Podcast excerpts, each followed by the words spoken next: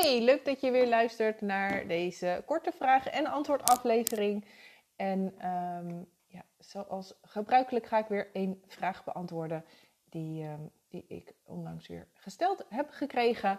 En heb je nou zelf een vraag die je graag beantwoord wil hebben, stuur hem dan vooral ook even naar me toe. De ehm, gegevens hiervoor vind je in de beschrijving van deze aflevering. Uh, dus daar vind je mijn e-mailadres, maar ook mijn Instagram-account.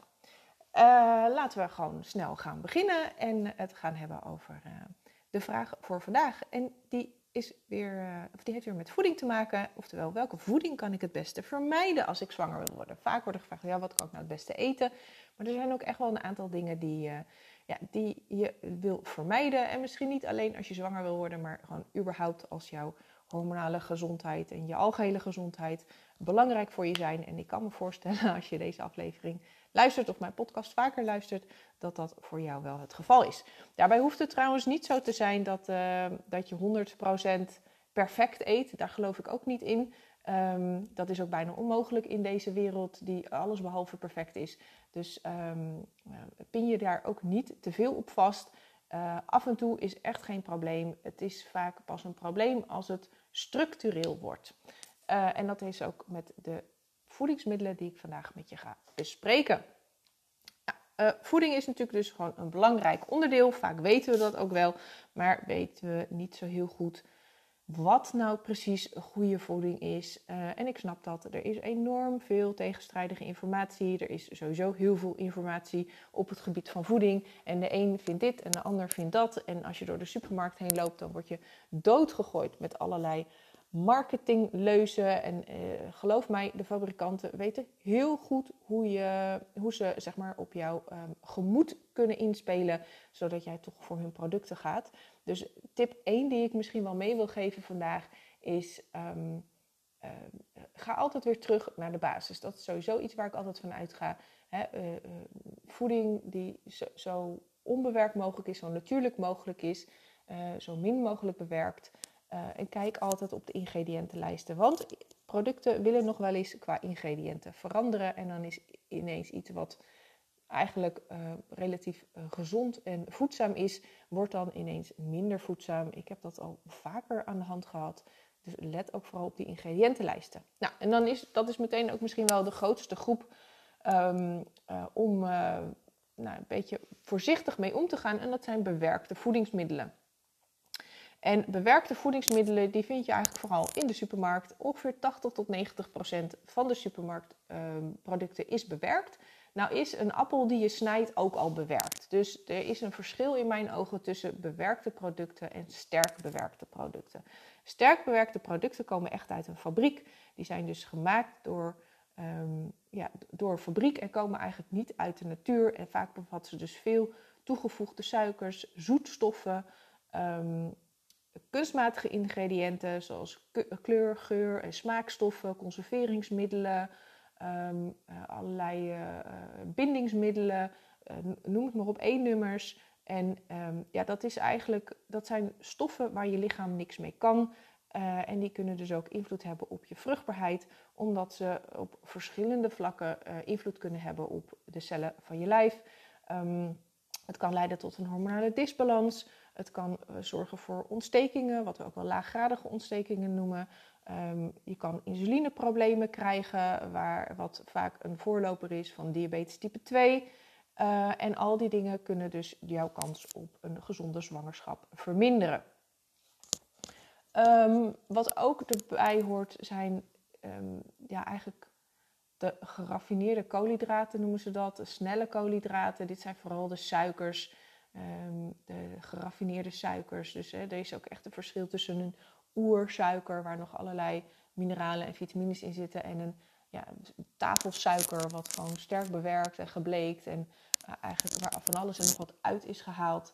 Um, vaak kunnen ook, uh, nou, de, denk ook aan koekjes, um, pizza. vaak wordt er gezegd wit brood, pasta, witte pasta, witte rijst zijn, uh, zorgen voor een hoge uh, bloedsuikerpiek. Um, dit verschilt nog wel van persoon tot persoon. En soms kan je er juist heel erg baat bij hebben om niet voor de volkoren varianten te gaan, maar juist voor de ehm, nou, wat we noemen de witte varianten, omdat die vaak minder zwaar, zwaar verteerbaar zijn. Er zitten minder antinutriënten in die ehm, wel in volkoren producten zitten.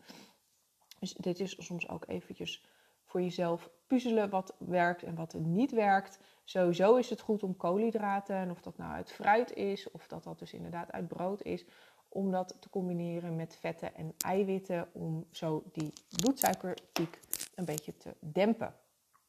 Nou, wat ook vaak voorkomt, ehm, waar je enigszins in wil beperken, is cafeïne, maar vooral ook alcohol. Cafeïne is um, een beetje omstreden in dat punt dat het zowel positieve effecten heeft als negatieve effecten. Dus daar wordt vaak van gezegd: beperk je inname van cafeïne. Voor vrouwen geldt ook vaak dat ik zeg: joh, doe dat nou niet op een nuchtere maag s ochtends als je wakker wordt. Dan is je cortisolspiegel is al hoger. Uh, en dat kan eigenlijk net even het setje geven waardoor je vruchtbaarheid verminderd wordt. Dus wil je nou wel graag een kopje koffie drinken s ochtends, zorg dan dat je eerst ontbijt en dat je daarna je koffie neemt. En beperk je cafeïne-inname tot, nou, laten we zeggen, twee tot vier kopjes per dag. Um, je kan natuurlijk ook voor cafeïnevrije koffie of gedeeltelijk cafeïnevrije koffie gaan. Maar alcohol heeft wel echt een negatief effect op je vruchtbaarheid. Met name ook omdat het je oestrogeen um, eigenlijk verhoogt. Dus uh, alcohol zorgt voor een verhoogde productie van oestrogeen. Um, maar het kan ook bijvoorbeeld ovulatie belemmeren um, en daarmee dus je risico op vruchtbaarheidsproblemen vergroten. sommige mensen zeggen ja, je moet het helemaal schrappen. Ik denk dat alcohol echt wel iets is wat je uit je, uit je voedingspatroon uh, kan schrappen, maar sowieso voor een, uh, voor een algehele betere gezondheid. cafeïne zou ik zeggen met mate of deels dus cafeïnevrij. Um, vermijd ook vooral ongezonde vetten. En met ongezonde vetten bedoel ik met name plantaardige oliën um, in de bewerkte vorm. Dus een plantaardige olie, denk aan soja, mais, zonnebloem, koolzaadolie, die uit de fabriek komen. Um, die zijn enorm sterk bewerkt.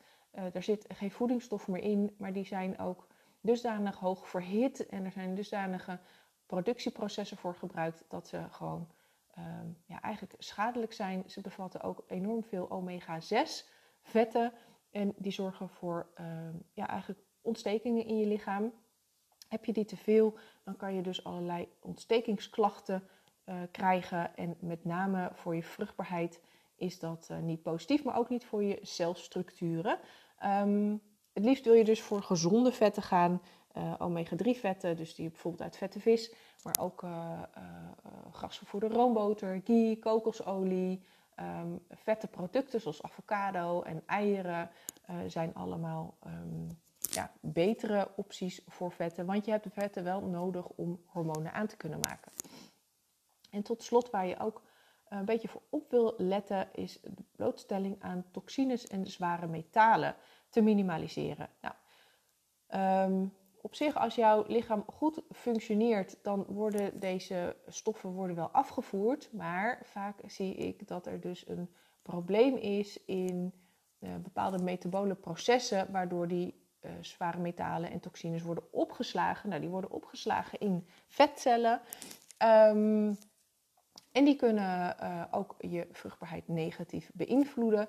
Denk ook, waar haal je nou die toxines vandaan? Dat zit bijvoorbeeld in kunstmest uh, en pesticiden die weer in je voedsel terechtkomen.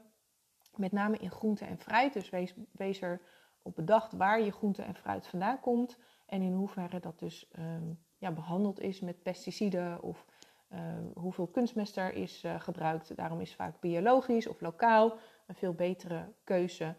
Uh, er zijn ook bepaalde vissoorten die meer zware metalen bevatten, zoals bijvoorbeeld tonijn.